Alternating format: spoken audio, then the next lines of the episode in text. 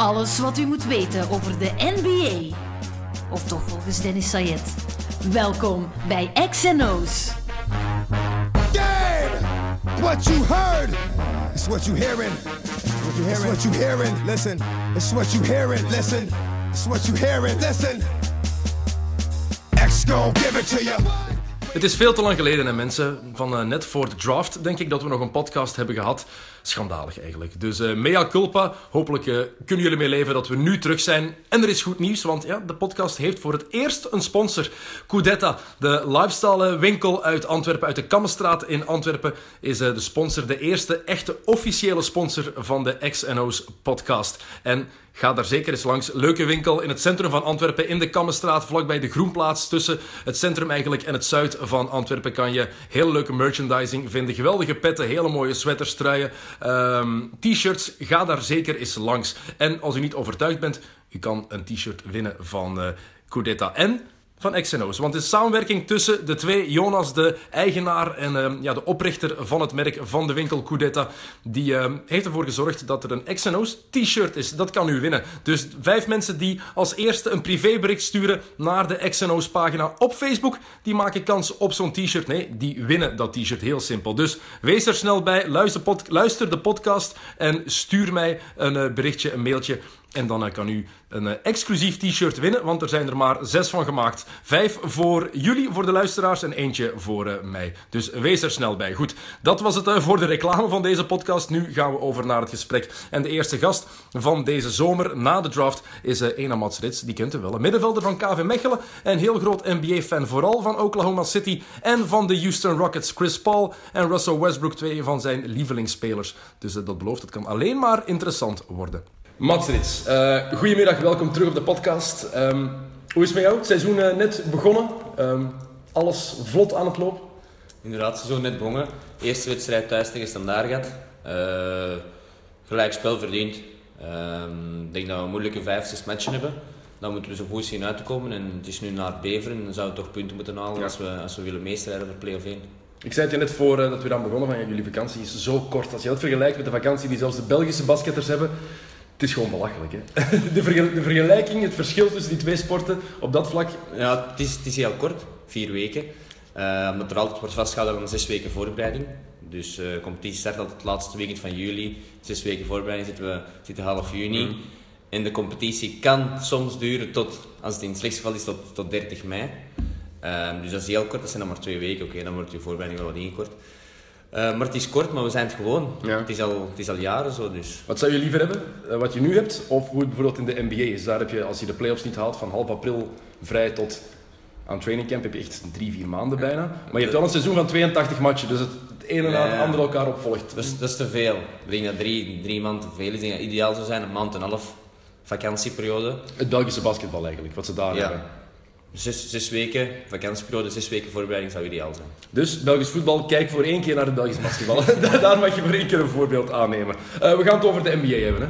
We gaan het ook een beetje over voetbal daarbij hebben. Ehm, en dan moeten we het hebben over Neymar en Kyrie Irving. Situatie die in mijn ogen heel gelijkaardig is. Ehm Filip Joos stuurde mij daar gisteren ook nog over, want hij is daar een, eh, een column over aan het schrijven. Maar die vergelijking tussen die twee situaties is gigantisch. Hè? Kyrie Irving wil weg, want hij wil zijn eigen team niet meer in de schaduw spelen van de grote LeBron James. En Neymar wil hetzelfde met Lionel Messi. Enkel is het een beetje vriendschappelijker tussen die twee, Ja, denk ik. ik denk dat het nog wel iets anders is. Het, het feit is juist dat ze elk de man willen zijn. En ehm, dat, dat klopt. Maar ik denk dat Kyrie Irving niet naar een titelkandidaat is gegaan. En dat vind ik dan wel spijtig. Ja. Eh, hij gaat naar, oké, gaat naar een iets kleinere club eh, of naar een club met grote naam, maar dan niet gaan meestrijden. Ehm, en dat is bij Neymar niet. Neymar gaat nog altijd naar een top 5, top 6 club in Europa, eh, waar heel veel goede spelers zijn. Dat 9 van de 10 ook kampioen gaan spelen in Frankrijk, samen met Monaco. Ehm, dus dat is nog wel net iets anders. Dat is ook een beetje het verschil van de systemen. Hè. Het kapitalistische voetbal tegenover het ja, toch voor Amerika vreemde systeem dat daar is. Want voor het kapitalistische Amerika verwacht je eigenlijk niet zo'n systeem ehm, qua transfers, hoe dat daar beleefd wordt. Maar het is toch raar eigenlijk hè, dat in de NBA je hebt een topspeler als Kyrie Irving, titel gewonnen, drie keer op rij de finals, topspeler, all-star. En toch weet je, omdat hij weg wil, dat het aanbod dat je gaat krijgen, Cleveland zijn, dat het veel lager gaat zijn dan de waarde van Kyrie Irving. Terwijl in het voetbal zie je Neymar 222 miljoen. Het is gewoon te belachelijk voor woorden. Hè. Dat bedrag, ik weet, ze verdienen ergens dat geld omdat ze zoveel voor hun club betekenen en Ja. zoveel inkomsten genereren. Maar 222 miljoen, dat is gewoon te zot voor, Ja, voor is- woorden. Hè. Het is het dubbel van het vorige record, dus ja, dan zie je hoe zot dat het is. Eh, maar inderdaad, ja, dat klopt. Ik denk dat in, in voetbal kan eigenlijk alles. Mhm. Iedereen kan er iedereen, je kan, een- je kan een, team creëren met, met 10 supersterren. En dat kan in de NBA niet. De ultieme superteams eigenlijk. Als je het eh. kunt betalen en, en, en het mag van, van de FIFA, ja, dan, dan zou het op zich kunnen. Maar het is wel inhoudelijk ergens wel hetzelfde, hè? de twee eh, gevallen. Ehm, Neymar weet dat hij altijd in de schaduw van Messi gaat staan. Net zoals Kyrie Irving ook weet dat hij altijd de tweede viool gaat spelen naast, de, naast LeBron James. Ehm, snap jij dat? Ik vind het bijvoorbeeld heel moeilijk te begrijpen, ehm, omdat je weet als je bij Cleveland blijft, Kyrie Irving zijn, die gaat elk jaar naar de finals gaan. Nog zeker tot LeBron weg is, dat is het enige nadeel, Ja. die onduidelijkheid over de toekomst van LeBron. Maar zeker het komende jaar. Ik zou niet vertrekken. Je bent 24 jaar, 25. Je toekomst ligt nog voor je. En als LeBron James dan weg zou gaan, dan heb je je eigen team. Vind ik ook. Daarmee vind ik ook van... Kyrie zou ook... Als ik Kyrie ben, ik zou ook sowieso blijven. Gewoon ook omdat... De kans is groot, zegt iedereen toch, in de, in de rumors, dat, dat LeBron gaat weggaan het jaar daarop. En oké, ja, dan kunnen ze misschien een ploeg vormen naar, naar Kyrie. En, eh, maar ik zou toch sowieso nog één jaar meedoen voor de, voor de titel. Ten opzichte van Neymar, dat dit... Intrinsiek is net hetzelfde, ze willen de man zijn en ze, zij willen nummer 1 zijn en ze willen zich tonen en, en ook met hun merchandise en zo naar nummer 1. Ehm, dat is hetzelfde, maar Neymar is toch nog iets anders. Messi gaat nog een aantal jaar langer meegaan Eh, en hij gaat ook naar een andere ploeg dat even goed Champions League finale gaat spelen. Je gaat wel even- naar de Franse competitie. Dus je gaat naar een competitie die drie niveaus onder die van de, van de, van de Spaanse is. Ook al heb je veel kakploegen in Spanje, maar je speelt wel tegen een Atletico Madrid, tegen Real, tegen Valencia iets minder. Maar je hebt wel die toppers en je weet dat je het van boven hard gaat hebben. Je hebt, je hebt vijf ploegen die, die altijd leuk voetbal brengen. Ja. En, en dat is een mooiere competitie dan de Franse competitie. In Frankrijk heb je misschien twee, drie ploegen. Nu met Nisa erbij komt Zie een je, beetje. zie, je, zie je Neymar al met plezier naar Lorient gaan Nee, nee, dat is zo. Maar ja, als je dan kijkt naar het, naar het grotere plaatje en je gaat kijken naar Champions League, kan even PSG even van Barcelona winnen en Barcelona verslaan. Feit. En dat is nu in NBA niet. Als, als Kyrie naar New York gaat, ik zeg niet meer iets, ja, die gaan niet volgend jaar de Cavs verslaan. En als Kyrie dan weggaat, is dat trouwens wel de ploeg waar ik hoop dat hij naartoe gaat, naar New York. Ik denk, defensief wordt dat een ramp, maar Kyrie Irving en Kristaps Porzingis, als ze die twee samen kunnen hebben... Ik kijk elke match op, elke match op League Pass, denk ik.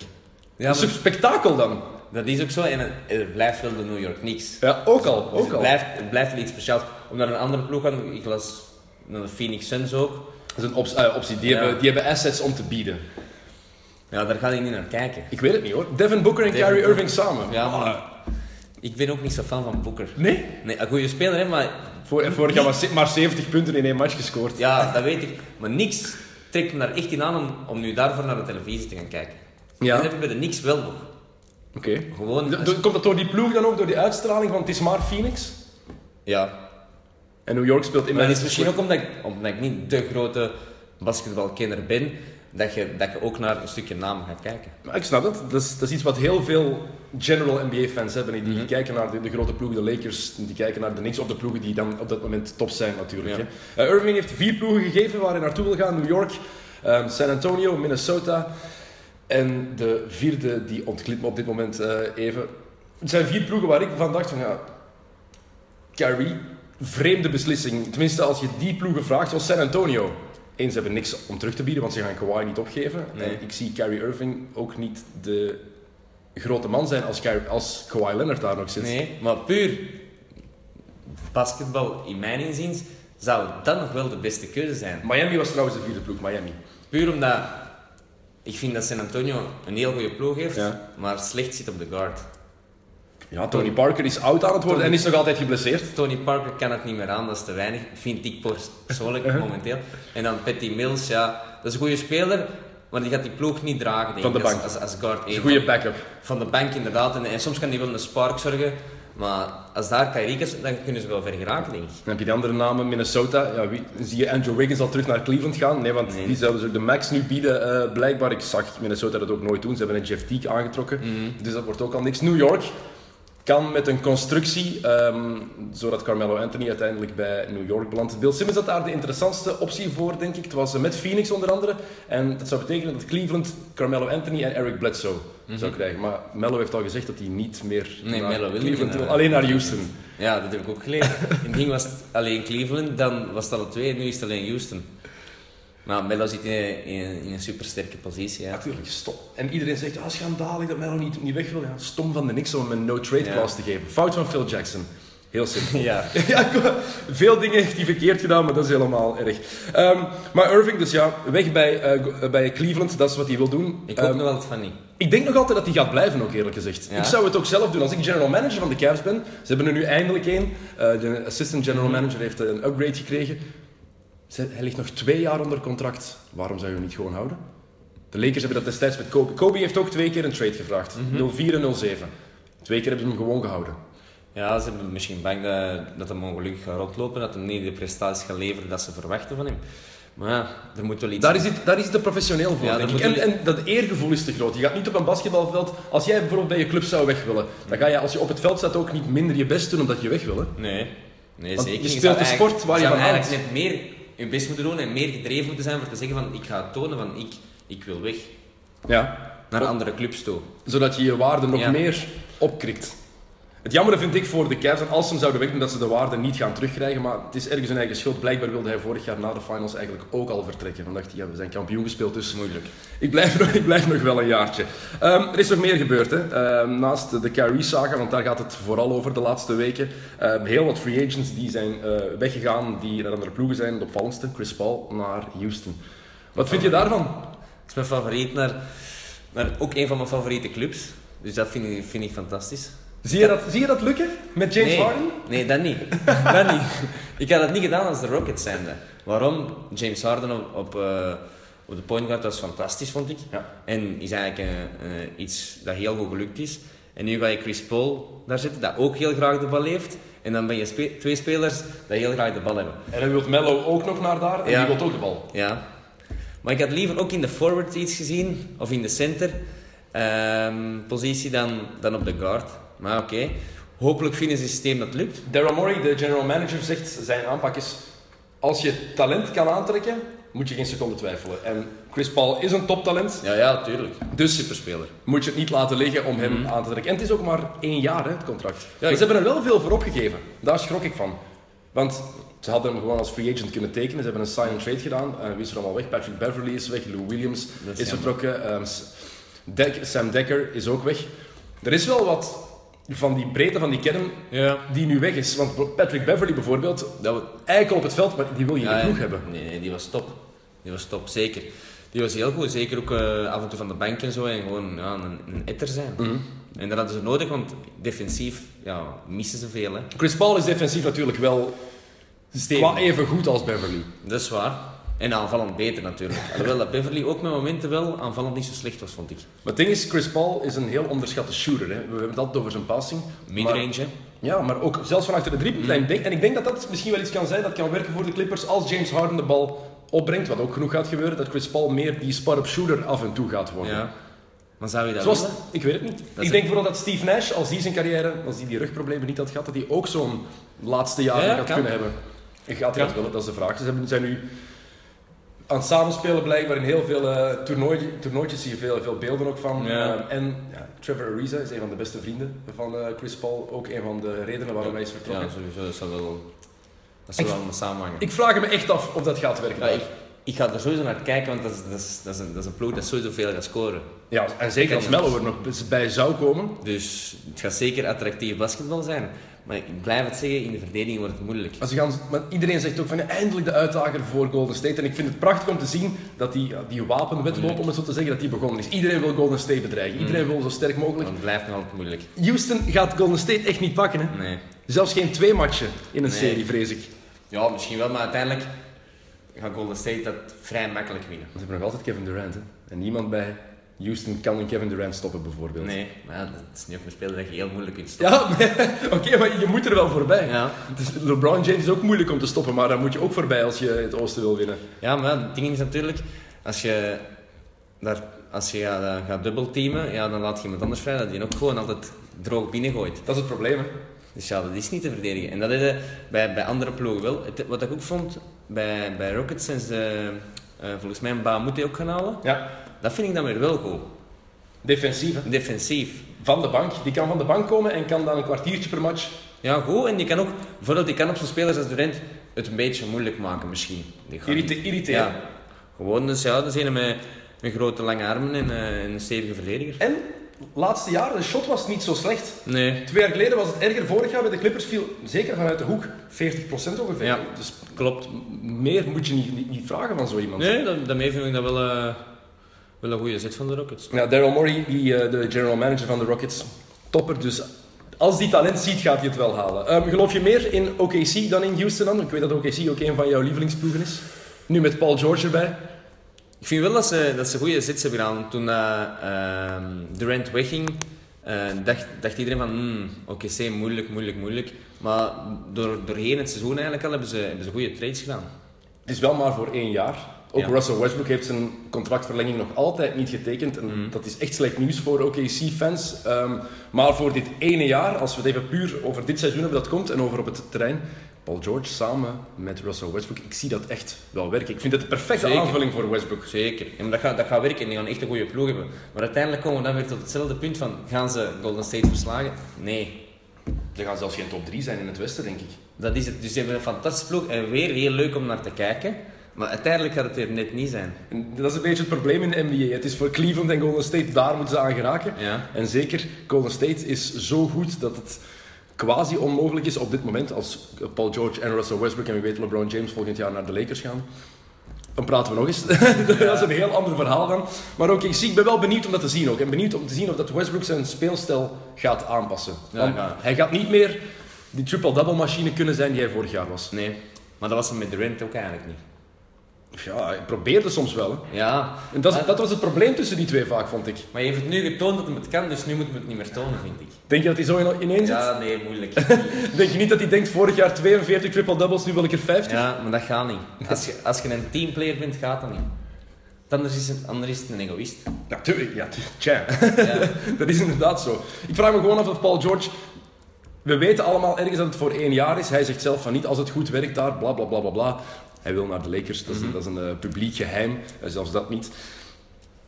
Ik denk dat zoiets wel kan wegen op een ploeg die onzekerheid over de toekomst. Eh, Bij Cleveland gaat dat ook het probleem zijn, denk ik. LeBron die geen duidelijkheid schept. Als Russell Westbrook zijn contract niet verlengt, dan gaat dat wel als een schaduw boven die ploeg hangen.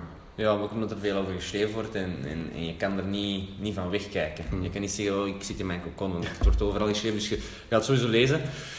Inderdaad, maar ik denk wel, als, als een ploeg in de flow raakt, zoals, zoals OKC, en die begint te winnen, en, eh, dat je daar eigenlijk in moet kunnen overzetten en dat je zegt van oké, we gaan hier dit seizoen proberen er alles van te maken. Je weet nooit, als ze een verrassende playoff run hebben, dan kan het er helemaal anders uitzien. Hè? Maar ik zeg het, ik vind dat ze echt een goede ploeg hebben. Ik ben een grote fan van Adams. Ik vind echt een leuke speler. Je weet ook dat het een klootzak is, hè? Ja, maar ik vind het echt een leuke speler. Hey, hey, ik ben fan, ik ben ook voorstander van, van die eikels in je ploeg, je hebt dat nodig. Ja. En Adams doet dat heel subtiel. Ja, maar ik vind echt... Zoepa is echt nuttig. Het is een beer, ook een Nieuw-Zeelander Ja. die nooit uh, terugdeinst. En dan eh Doug eh, McDermott, of Ja? Dermot, ja. die, die ziet er ook, zie ik ook graag spelen. Goeie looplijnen. Pu- Pure shooter, hè. Ja. Pure shooter. Nog altijd, ik snap nog altijd niet dat Chicago zich zo heeft laten kennen, want Taj Gibson zijn ze wel kwijt. Ja. Die is naar Minnesota vertrokken. Ehm, nog zo'n ploeg trouwens. hè. Een leuke ploeg om te zien, Dat is- denk ik. Ik had ze vorig jaar in de playoffs gezet, te vroeg. Want dit jaar Dit jaar gaan ze sowieso play-offs staan, maar... Ze hebben Jeff Teague erbij gehaald, Rubio is weg. Ehm, ze hebben Jimmy Butler erbij gehaald voor quasi niks. Want ze hebben, hebben ze Mark, een nummer 7 pick opgegeven en de Bulls hebben Markkanen gekozen. Wat een, groot, een soort Channing Frye is, dus belachelijk. Ehm, Chris Dunn en Zach Levine die terugkomt van een zware operatie. Mm. Twijfels bij. En Minnesota krijgt ook de nummer 6, de 16e pick en dat is Justin Patton en die is echt goed. Die is echt ik goed. Ja, die, is, die wordt echt goed. Beter dan Markkanen volgens mij. Steal voor Minnesota. En als je die starting 5 bekijkt, Klopt. met Towns en Wiggins daar ook bij en Gorgie Dieng of wie je daar ook nog bij gaat zetten op 4 of 5. Dit is een ploeg die, volgens mij moet die ploeg beter zijn dan OKC. Het enige probleem is dat ze de ervaring missen van in de Ik playoffs. denk dat serie verder gaat geraken dan, dan Minnesota. Ja? Ja. Alhoewel dat ik ook wel fan van Butler ben. Je moet die, die starting 5. Jeff Teague, Jimmy Butler, Andrew Wiggins, Carl Anthony Towns en dan Dieng waarschijnlijk. Ja. maar Jeff Teague. Nee, ik ben ook geen Teague-fan. Want ze hebben die dan laten gaan voor, voor alles op, op Schreuder te zetten. Vond ik bijvoorbeeld een goede zet. Ja? Ja. Hmm, ik denk, ik ben, Schreuder is geen eerste optie voor mij. Schreuder is goed van de bank, 20 minuten. ja, misschien. Maar ik zie hem wel graag spelen. Omdat het ook zo'n lefgozer is. Ja. Daarom. Ja, ik kijk alleen maar naar plezant. Hij vindt zichzelf ook ergens de Kobe Bryant van Duitsland, wordt Ja. gezegd. En dat zie je in zijn spel. ja, dat zie je. Dat hij eh, heel veel zelfvertrouwen heeft tegen het randje van een dikke nek aan. Heb je trouwens een foto van Kobe gezien eh, afgelopen week? Dat hij wat dik was. ja, ik heb het gezien. Zijn, eh, zijn eigen comment die erbij stond, ik weet niet meer wat het precies was, moet je maar eens opzoeken Ja, thuis. Hij was zichzelf alleszins serieus, oké, oké, oké, aan het uitlachen. Ja. Time to go back to work. Eh, Kobe geniet van, het, eh, van, van zijn pensioen. We hebben het nu al over OKC gehad, over de Clippers, even over Golden State, over Minnesota. Ehm, dan hebben we nog Paul Millsap, die naar Denver is gegaan. Het overwicht van het Westen is nu echt wel overdreven aan het worden. En dan komt die roep steeds meer over, moeten we niet gewoon de beste 16 ploegen naar de playoffs sturen? Zou ik sowieso doen. Ja? Ja. Want eh, dit, dit slaagt op niks niet meer. Maar dat verandert binnen vijf jaar misschien weer opnieuw. Ja, maar ja, waarom, waarom altijd Oost-West? Waarom niet?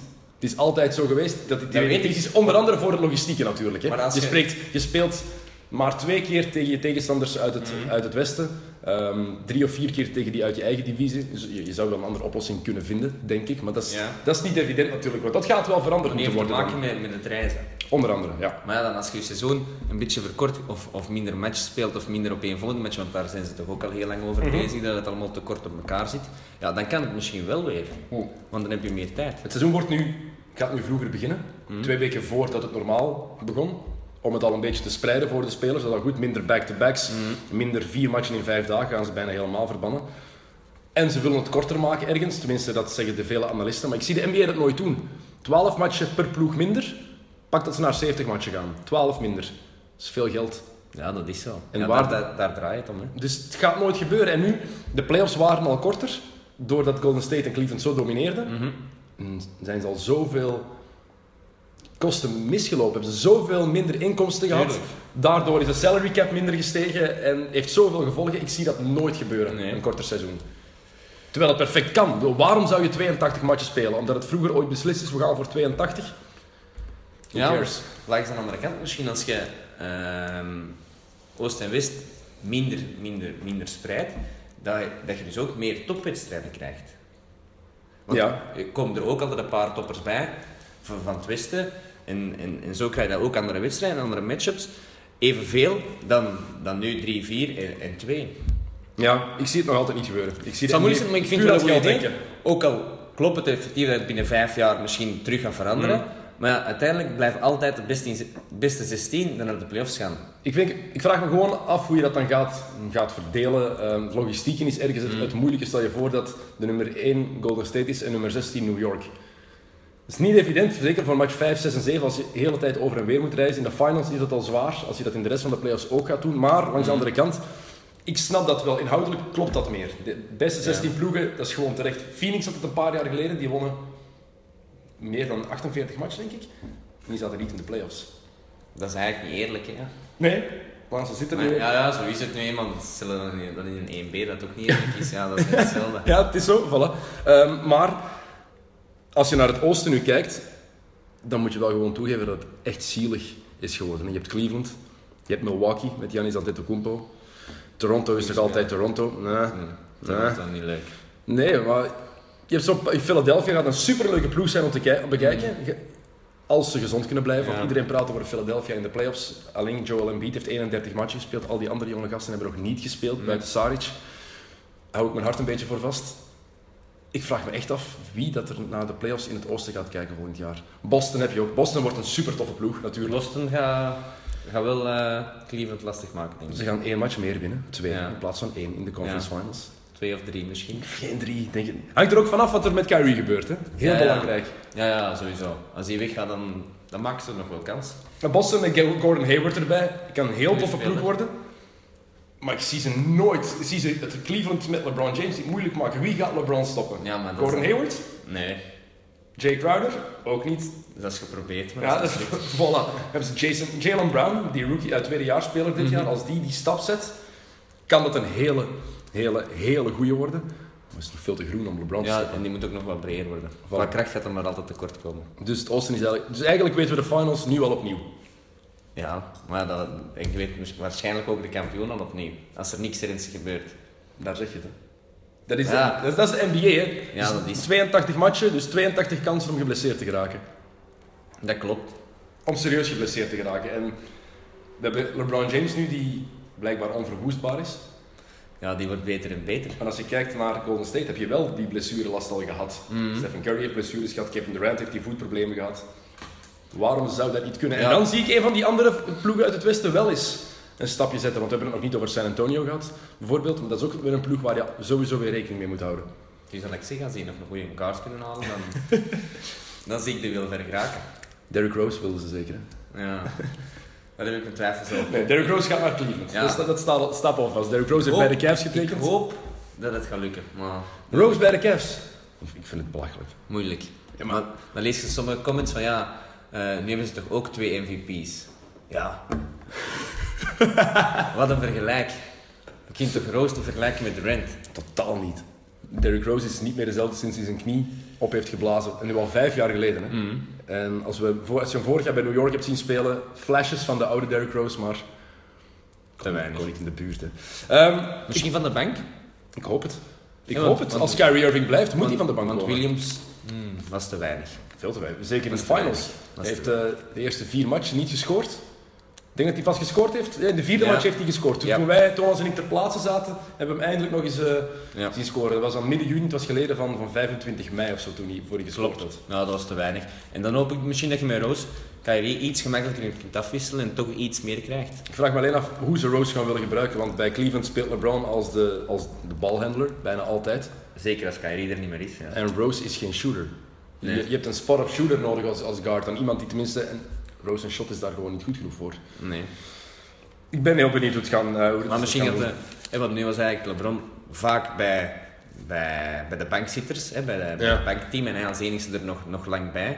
Dat hem zijn rustperiode aanpaste. Dan, eh, en misschien gaat hij dat nu niet doen. Ja, welke rustperiode? LeBron speelde 40 minuten Ja, per match ja. bijna, dus die zat Ja. amper op de bank. Als hij dan niet op de bank zat, was het wel tijdens dat de rest van de, van de, van de A-ploeg, zal ik zeggen, nog speelde. Ja, feit. Eh, we moeten het hebben over Stephen Curry. We hebben het, eh, met elkaar zitten sms'en de hele tijd terug ook over jouw eh, voorliefde voor Stephen Curry. Je bent echt geen fan van die gasten. Je hebt tijdens de finals liet je nog eens blijken dat je het echt... Nee, echt niet. Ik vind, het- ik vind een goede speler.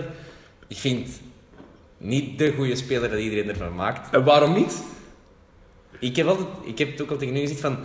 Ik denk niet dat je Stephen Curry zet bij een ploeg, bijvoorbeeld zoals de Phoenix Suns vorig jaar of zo, dat hij niet eh, de ploeg zo gaat dragen dat bijvoorbeeld LeBron wel zal doen. Dat is anders. Ja, ze spelen anders, hè. Daarom. Dat, dat, dat klopt. Je kunt, kunt ze moeilijk vergelijken. Maar puur naar eh inbreng naar de ploeg toe, wie gaat het meeste de ploeg bijbrengen, denk ik altijd dat LeBron dat veel beter heeft. Maar LeBron doet het op een andere manier. LeBron doet het als...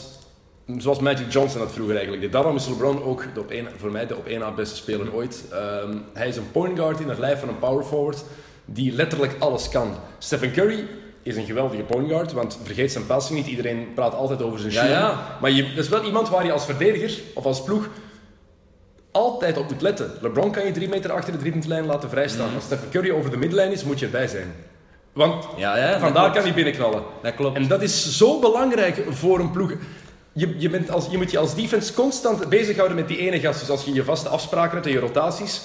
Het gaat niet, want als die Nee, nee, dat klopt. kleine met nummer 30 vrij staat, moet je daar naartoe gaan. Maar het is, dat klopt. Je moet Stephen Curry altijd rekening houden. En inderdaad, zijn passing, zijn vista en zijn shooting is, is super. Zijn balhandling, zijn afwerking inside zelfs ook. Ja, ja, onder de ring is hij super sterk. Absoluut. Maar dan, ik vraag mezelf dan altijd af, zit hij bij een mindere ploeg, waar het dus niet iedereen geweldige shotters is, hè, want bij, bij Golden State kan hij naar iedereen passen, hij drijft en hij, en hij ziet iemand vrijstaan, want ze collapsen dan allemaal Ja. op na een tijd. Hup, die shot hij altijd binnen. Dat is nu. was Ja. twee jaar geleden niet zo, of drie jaar geleden. Toen ze begonnen aan hun run tegen Denver was 2013 de eerste keer dat ze in de playoffs stonden. Ja. Stephen Curry was toen al, als, zelfs geen All-Star dat jaar. Onterecht, maar het was geen All-Star. Je had Clay Thompson erbij, Draymond Green was toen nog een bankzitter, Ja, ja, David, Lee startte. Eh, Andrew Bogut was geen shooter, Harrison Barnes was toen een rookie. En toch was het wel Stephen Ja. Curry die daar die serie wint, als, als zes seed tegen de nummer drie. Ja, maar dat Dus- een goede speler is. Ja, Oké, maar dat was wel een mindere ploeg beter maken dan. Klopt. En in mijn ogen is het, de cultuur bij Golden State is begonnen met Stephen Curry. Hij is de reden dat alles daar veranderd is. Van een lachertje, Nou, 40 jaar bijna, naar een ploeg die naar de beste ploeg aller tijden. Mhm. Maar denk je dat als Durant niet was overgekomen, dat ze terug kampioen waren geworden? Absoluut. Dat weet ik niet. Absoluut. Misschien niet zo gemakkelijk, want Kevin, je, hebt, je hebt Kevin Durant. Hè? Kevin Durant is voor mij de beste scorer sinds Michael Jordan. Niemand die zo natuurlijk, ik heb hem nu in het echt zien, zien spelen, ik heb hem zien trainen. Dat is belachelijk, hè? Ja, dat geloof ik wel. Shot, die doen shotoefeningen op training, Curry en, en Durant samen. En Durant maakt Curry met momenten af, hè? Ja, ja. Dus Durant is fantastisch. En die ploeg heeft vorig jaar zonder Durant en met Barnes er nog bij, met Bogut, Ja, ja, ja. met 73 matchen gewonnen. En als Draymond Green niet geschorst geraakt in match 5, wat ik nog altijd bullshit vind, want scheidsrechters en videoanalyse toen tijdens de match hebben hem geen technische fout gegeven, achteraf. Er is geen reviewcommissie in de Nee, nee, NBA, nee. dus dat is bullshit. Geef het ofwel tijdens een match, je hebt video, je Ja, kan het herbekijken. alles. Fout van de refs om het niet te geven, je moet er niet achteraf gaan schorsen.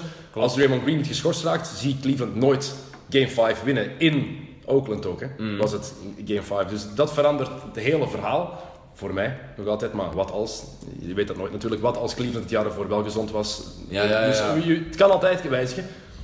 Ik zou niet weten waarom de, waarom de Warriors zonder Durant Cleveland niet zouden kunnen verslaan. Ze waren er zo dichtbij al. Het jaar ervoor, het jaar ervoor hebben ze het gedaan. Ja. Maar ja, ik denk... Ja, Het is meer dan Curry alleen natuurlijk. En net zoals Ja. Cleveland meer is dan LeBron alleen. ja, ja, sowieso. Maar ik denk dat gewoon LeBron meer invloed heeft op het spel dan, dan Curry. En dat is ook een ding van, is Curry geblesseerd, dan gaat Golden State nog altijd grote kans maken om, Nu wel. om de playoffs te halen. Met Durant bij nu. Met Durant erbij, ja. En is Durant geblesseerd, is de kans voor mij kleiner dan dat Curry geblesseerd is. Durant is geblesseerd geraakt, hè? Op een gegeven moment, het einde van het... eh, Ja, in het wat- seizoen. Heb je gezien hoeveel ze gewonnen hebben op rij? 14 Ja. op rij gewonnen? 15 op rij? Dat klopt. Dus ik denk ook goede coaching speelt Ja, ook ja, een ja, rol. Ze vinden wel een Ja, manier. ze, hebben, ze hebben een fantastische ploeg in de breedte ook. Hè. En dat is het ding wat soms een beetje vergeten wordt volgens mij. Ehm, en dat is waarom ik soms mijn twijfels heb bij Cleveland. Het basketbal-IQ bij een Draymond Green, bij een Stephen Curry, bij de coachingstaf is zo groot dat ze een manier vinden om, zijn- ze om zijn te een winnen. veel betere ploeg als, als Cleveland. Veruit. Maar ik vind op papier niet, ik vind qua, qua kwaliteit niet. Maar het basketbal-IQ om als ploeg te spelen is bij Kyrie Irving en Kevin Love veel minder als LeBron er niet bij is. En dat zegt veel over de waarde van LeBron, wat jij zegt. Als die geblesseerd is, of al, wat nooit gebeurt, als hij geen rust, ik zal het zo zeggen dan. Dan is het, dan is het drama. Maar dan vraag ik me vaak af, ligt het aan de coachingstaf dat daar te weinig Ook IQ zit? Ook. En dat is wat Thomas van de Spiegel bijvoorbeeld ook vaak is. Hij heeft echt zijn twijfels bij heel wat coaches en Tyron Lewis is er daar één van. Ja, maar natuurlijk, het is moeilijk om dat te zeggen, want hij wordt wel kampioen. Maar 100%, 100% gelijk. Ik denk dat, als je kijkt, er zijn veel meer plays zichtbaar in bij Golden State constant. En bij Cleveland eigenlijk quasi geen. Isolation play is daar. hè. Ja, maar ja. Maar dat zijn, Dat is de gemakkelijkste, dat is de gemakkelijkste om te doen. Hè. Ja, eigenlijk wel. Langs de ene kant wel, langs de andere kant. Als defense zou het ook het gemakkelijkste moeten zijn, want je weet ook, Ja, ja. je gaat toch één tegen één spelen. maar ze hebben dan zoveel kwaliteit, één tegen één. Die spelers dat dan toch het verschil maken uiteindelijk. Dat is wat Kyrie Irving zijn grote wapen is. Hè. Mhm. 101. Ik moet zeggen, ik heb al veel NBA-matchen in levende lijven gezien, maar die gast... Ja, ik was echt letterlijk verliefd op de manier waarop die, waarop die speelde. Prachtige speler. Dat is. Dat is esthetisch zo mooi om te zien en niet te stoppen. Nee. Bij LeBron, 1 tegen 1, dat is kracht. Pure krachtpatser. Kyrie, eh, die vindt altijd wel een of andere, andere manier. Ja, Super. en afwer- afwerking, onder, afwerking onder de ring is ook, is ook waanzinnig. Maar ik vind het vreemd dat dat basketbal-IQ dan... Ja, is het juist zo? Is dat, is dat daarom dat het minder is? Ik vind het heel bizar dat LeBron James... Dat ze niks kunnen zonder hem. Maar is het, misschien, is het misschien zo dat Curry bijvoorbeeld in vergelijking met, met Kyrie, omdat ze dan dezelfde positie een beetje vergelijkbaar spelen. eh, voor zover ik weet was Curry vroeger minder goed dan dat Kyrie vroeger goed was. Qua talent. Nee, niet mee eens. Het ding is, Kyrie Irving was altijd iets atletischer en, en, en klein ook, vroeger- 2,93. Maar heeft al twijfels bij Curry vroeger. Ja, omdat ze hem te klein en te licht Ja. vonden. Dacht, hij kan alleen dat. Maar dat was altijd onzin. Bij zijn draft in 2009 ging het over, hij is te klein, hij is te licht, het is alleen maar een shooter. Maar als je keek wat hij bij Davidson deed in college, in het toernooi met een kleine ploeg, zonder grote sterren, heeft hij ze twee keer, één keer naar de Elite 8, één keer naar de Sweet 16 gebracht, wat echt goed is voor zo'n ploeg. En dit dat niet alleen met driepunters. LeBron James kwam zelfs kijken naar die wedstrijden, omdat hij zo onder de indruk was Die foto's heb ik niet gezien. van Stef. Dus ik, ik heb daar altijd mijn twijfels bij gehad, waarom ze zelfs voor de draft zo twijfelden over Curry. Ik vond dat niet terecht. Ehm, en Kyrie Irving, ja. Alleen Dat- daarom denk ik misschien van, hij wordt dan niet zo naar voren geschoven, terwijl dat hij dat vroeger wel had. ja. Dat zijn IQ meer getraind is. Om ook, waarschijnlijk zat Kyrie bij een betere ploeg, veronderstel ik ook. Bij Duke, ja, maar hij heeft maar elf matchen gespeeld of zo, omdat hij Dus- geblesseerd was. Dus dat is het ding. En zat ook in een zwakke draft. Wat er ook bij komt, 2009 was een topdraft met Blake Griffin en James Harden en Ricky Rubio. Wel wat goede namen, de Ja, Rosen ja, zat daar ook in. Het was echt wel een goede draft en die van Irving was niet echt fantastisch. Als je weet, nummer 2 pick was... eh, wie was het nou, Irving? Derek Williams. Die ook bij, bij Cleveland zat dit jaar. Dan weet je, Ja, ja. als dat de toppicks Ik zijn... denk dat het vaak is als je bij, je moet niet altijd in de, in de jeugd, zal ik dan maar zeggen, Ja. bij de beste ploeg zitten. Want die ga je niet, niet het meeste bijleren. Tuurlijk niet, maar in high school maakt het ergens ook weinig uit. In college hangt van je coaching af hoe belangrijk dat is. Maar het talent komt altijd wel bovendrijven. Maar ik, vind, ik heb het altijd vreemd gevonden dat Curry zo onderschat werd in die jongere jaren. Oké, fysiek was inderdaad... eh, Kyrie Irving was fysiek al een pak sterker dan Curry dat ook wel was. Ik had nooit gedacht... Ik had hem altijd in de top 5 gedraft, ook, ook toen. Ehm, Maar dan geeft iedereen ongelijk. Hè? Ja, en, maar als, ik een ploeg, als jij een ploeg moet beginnen, je hebt de keuze tussen Kyrie Irving, Irving en Stephen Curry. Voor wie ga je dan? Moeilijk, Ja? moeilijk. Als je, als je zo redeneert, Als je, eh, dan zouden we misschien kiezen voor Curry, maar mijn gevoel zegt altijd Kyrie. Maar als je puur naar de speler zou als je de kijken... cijfers bij elkaar Ja. legt. En Ir- Curry is ook een betere verdediger dan Kyrie Irving. Ook al, Ja, ja dan, moet je, dan moet je Curry nemen. ook al zou Irving het willen, ook, eh, kunnen. Hij moet het wat meer willen. Kijk, eh, game 1 van de finals twee jaar geleden Ja. heeft hij Curry er helemaal uitgehouden voor hij geblesseerd uitviel. Dat zie je veel te weinig van zo'n hij, gasten. dat is omdat hij op die moment zegt van, nu ga ik het tonen dat ik beter ben en, en dat ik hem aan kan. En dan doet hij het. Maar Ja. het is 80% van de tijd heeft hij dat niet. 80% denkt hij waarschijnlijk van, ik ga hier een beetje ballen. Ja, zo, denk, zo denken die denk ik. Ja, dat is, mo- is mogelijk. Maar wat mij een beetje stoort aan Curry, daar denk ik nu ineens aan, is zijn, zijn show. Ik weet het, iedereen heeft show, hè. Draymond Green heeft ook heel veel show. Heel veel. Maar dat stoort me dan minder. En waarom? Ja, dat LeBron heeft ook show. ook, ja, maar er zijn, Westbrook ook, Harden ook. er zijn ook heel veel, heel veel haters daarvan. Maar bij mij is dat nu bij Curry, ik weet niet, die shot tien keren, waarvan dat er misschien vier keer naast is, maar die draait zijn eigen altijd om en is al aan, is al aan het vieren. Dat, dat zijn dingen die ik niet tegen kan.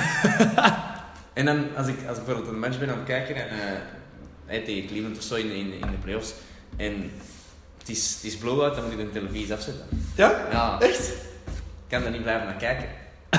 Puur door Ja, de door- show van Curry. Ja, mede, mede daardoor dan moet ik het afzetten en dan kijk ik het laatste kwart niet meer. Ah, ik vind, dat is net iets wat ik, wat, wat, wat ik fantastisch vind. Ja, maar ja, zie.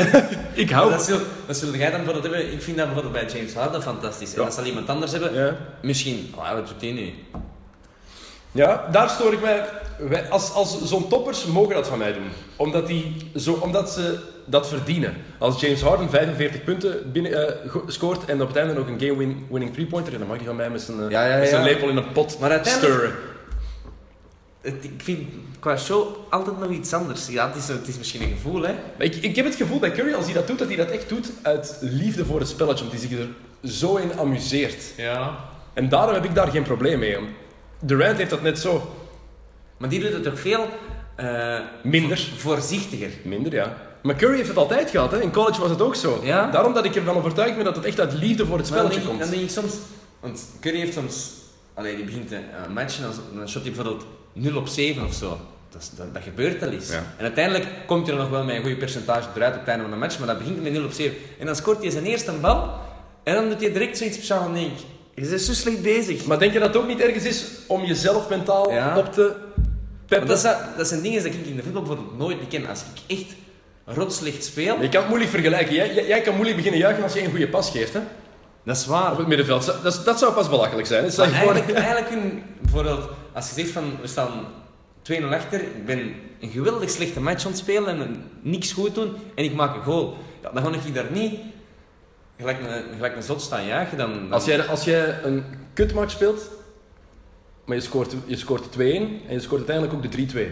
De winning goal. Ja, dan is de 3-2 natuurlijk wel. Maar dat is, dat is eigenlijk dat is een, dat is een game winner dat je dan maakt. Tuurlijk! Ja, dan begrijp ik dat wel. Het is dat dat je zegt van, als, als je op het einde 80-80 staat en je maakt een winning shot in de laatste seconde, ja, dan, dan zit je euforisch. Maar is het niet moeilijk te vergelijken tussen die twee sporten op dat vlak? Want ik denk echt dat je zoiets vaak doet. Ehm, ik spreek het eigen ervaring op lager niveau dan, dat je dat net doet om jezelf ook Ja. in die groove te krijgen. Om dat zelfvertrouwen terug om te schakelen. Ik Ja, zeg ja. het, in, het, voetbal, een middenvelder kan echt moeilijk ja, ja, dat beginnen showen als hij een goede pas geeft. Dus, Natuurlijk, natuurlijk, natuurlijk. Dus- dat is waar. ik denk dat, zo, dat dat voor zo'n mannen ook meespeelt. Van, hoort erbij als ze goed spelen, dus als ik dat nu begin te doen, dan komt Mhm. die groove terug. Ja, maar misschien kun je het dan vergelijken. Pak nu dat je dan uiteindelijk eens een goede pas geeft Ja. en dat ik dan de keer daarna achter mijn steun ben of zo gaan doen. Ja. Voor Ja. dat zelf, dat, dat gaat nooit niet gebeuren. Alleen zeg nooit nooit, hè. want dus komt dat volgende week. Dus, dus dat niet, maar... De cake van de week van Filip Joosten. dan, Ja. Nee, dat, ja, het is gewoon een gevoel bij Curry. Pas op, ik kan hem wel appreciëren als speler. Ik vind het echt een fantastische speler. Hè. Daar, daar kun je niet om rond. Het is, het is dat ik soms altijd spijtig vind, vaak bij, bij LeBron is dat, dat mensen niet kunnen zeggen dat dat een goede speler is. Ja. Je kunt die, je kunt die haten zoveel als je wilt, net zoals ik Curry zoveel als ik, als ik wil kan haten, maar je moet wel toegeven, dat is een fantastische speler. Tuurlijk, en dat is iets wat mij trouwens enorm stoort de laatste maanden. Zeker in deze zomer, dat er oké, veel gepraat wordt over transfers en eh, over LeVar Ball, waar we het niet over gaan hebben. Ik vind het een ongelooflijke ja, Ik snap niet goed dat hij speler, speler van de Summer League was. Allee, ik heb geen enkel match gezien, maar ik heb zo Ja. een beetje Dat gevolgd. is echt goed. Maar- hij is, hij, hij- Dan, hij is ik, echt, ik echt, zag echt de, de, de stats van hem dan en van, Van Lanzo, ja. eh van, eh van Fultz. Ja, En die van Fultz vond ik persoonlijk al beter. ja maar als je... Ja. Fultz heeft zijn enkel ook ge- geblesseerd, dus hij heeft minder gespeeld ergens. En, en, maar, ja, maar Lonzo, hoe hij zijn ploeg, heeft, heb- hoe hij, het zo, gezien. hoe hij zijn ploeg heeft doen draaien, echt een fenomenale point guard. Ik denk dat Lonzo Ball beter gaat worden dan Fultz. Echt mijn gevoel. Ik heb er nog niet zien spelen in een NBA-wedstrijd, Ja, ja, ja. want ze hebben er nog geen gespeeld. Nee, nee. Maar ik, ik hoop het voor Lanzo, omdat ik hem een fantastische speler vind. Jason Kidd tippen. Zijn vader, LeVar, ik zeg het, ik vind het vreselijk dat hij zich profileert. Ehm nu begint zelfs Michael Jordan zich ermee te bemoeien. Zwijg dat toch gewoon dood, die gast. Echt. Jordan had gelijk, maar zwijg, zwijg hem toch, eh, toch Ja, gewoon dood. Minder aandacht, hoe beter, denk ik. Ja, Maar voilà. Soms is het wel grappig. Ja, ja, dat is waar. Spijtig dat is waar. Spijtig genoeg, soms is het wel grappig. dat is waar. Ehm, maar je zei trouwens die, die greatness. Ik vind dat we dat te vaak vanzelfsprekend vinden. In alle sporten. In het tennis met Federer en Murray en Djokovic en Nadal. De vier van de tien beste tennissers aller tijden. Die zijn nu aan het spelen. Ja. Vinden we normaal. In het voetbal. Messi, Ronaldo. Twee van de vijf beste spelers aller tijden. Klopt. Vinden we maar normaal dat die, dat die, daar, dat die elke, elk jaar 50, 60 goals maken. Vinden we normaal. In het basketbal, LeBron James, Kevin Durant, Stephen Curry, beste shooter aller tijden. Maar normaal. We klagen dan dat het niet spannend genoeg is met wel een finale tussen Kevin Durant en LeBron James. Ja. Als ik elk jaar Real tegen Barcelona krijg in de finale van de Champions League, ga ik geen, ga ik geen enkele keer klagen, denk ik. Nee. Of jij misschien wel? nee, nee, nee, absoluut niet. En geef er 100% gelijk in. Hoe komt dat, denk jij, dat, dat we dat zo vanzelfsprekend vinden? Omdat dat, een mens wordt altijd snel iets gewoon, denk ik. En dan binnen tien jaar beseffen we, ah, Ja, dat is zo. zo geweldig was dat toen. Zo is dat.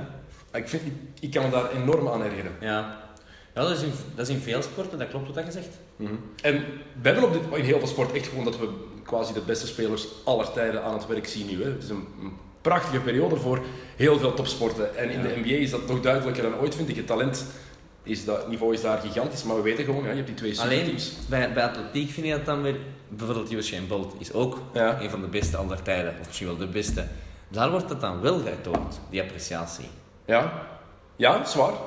Terwijl ik in het atletiek net het gevoel dat het minder is, maar dat is persoonlijk. Hè. Denk, oh, je, houdt, je houdt altijd je, Ja, ja. jeugdhelden ook gewoon. Michael Johnson destijds vond ik fantastisch. Carl Lewis, Mm. Linford Christie.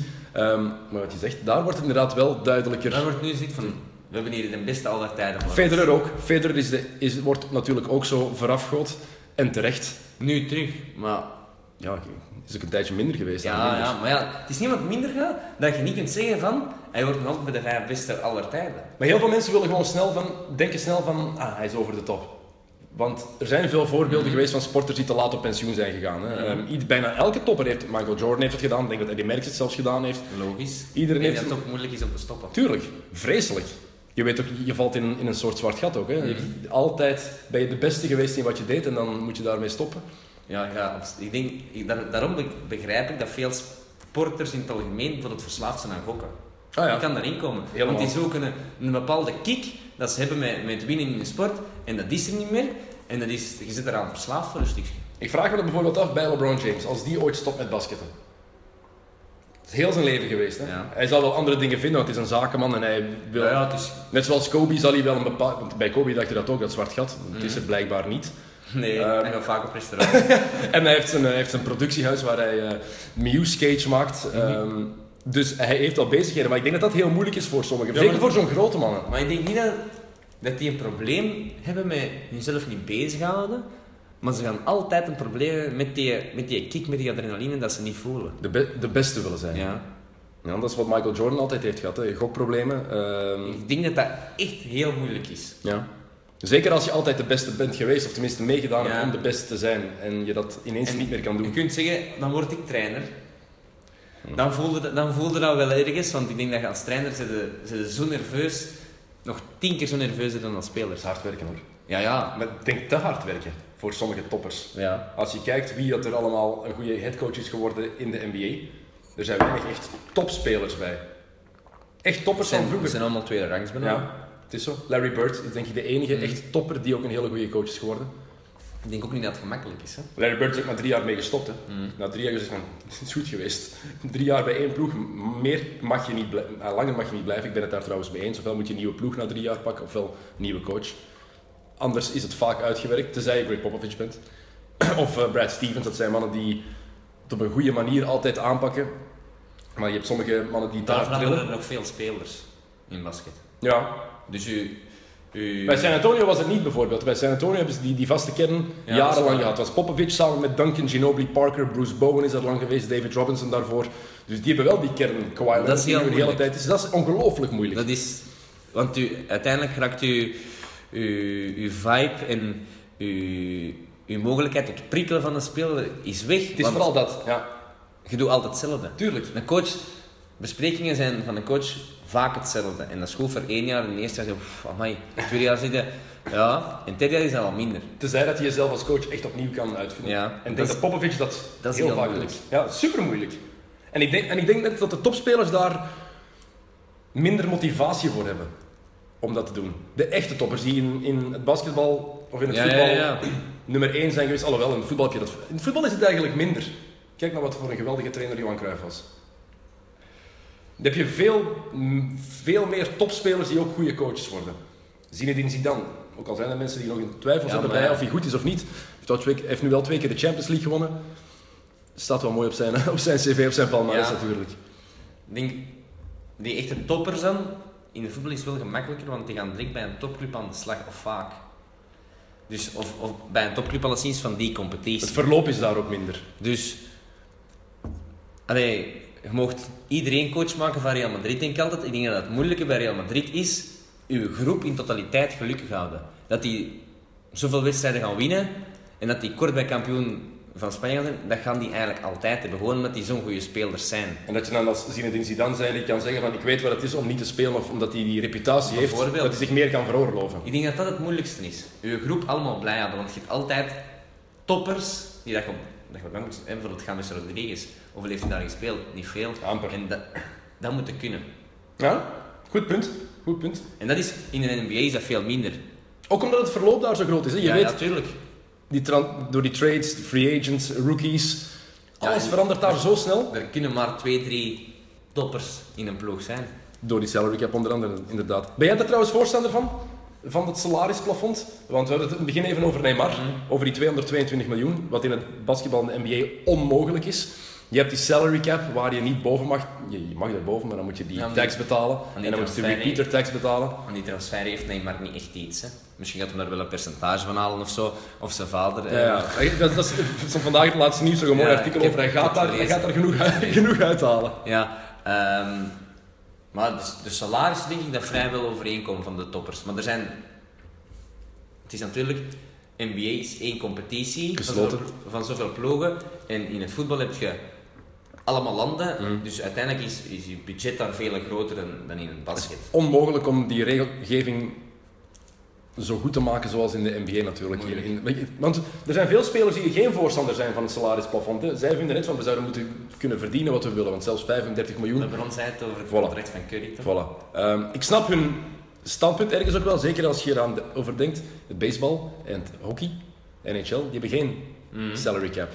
NFL en NBA wel. Dus de, de dominant Ja, zwarte ja. sporten, waar vooral zwarte spelers zijn, die hebben wel dat salarisplafond. ja. Ja. maar zeker in Amerika is het iets wat echt wel meespeelt. Ja. En ik denk dat, dat wij dat hier, wij, wij schenken daar geen aandacht aan. Nee.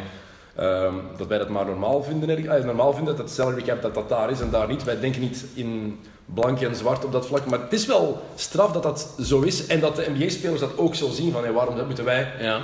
En zeker in de NFL is het helemaal moeilijk, maar je hebt ook... Het is ook moeilijk om daar iets van te zeggen als speler, hè, want wie gaat er iets zeggen? Dat zijn de grotere spelers. En de grotere spelers, dan zegt de algemene bevolking, jullie moeten niet klagen. Mm. Ja, dat is dan ook weer waar.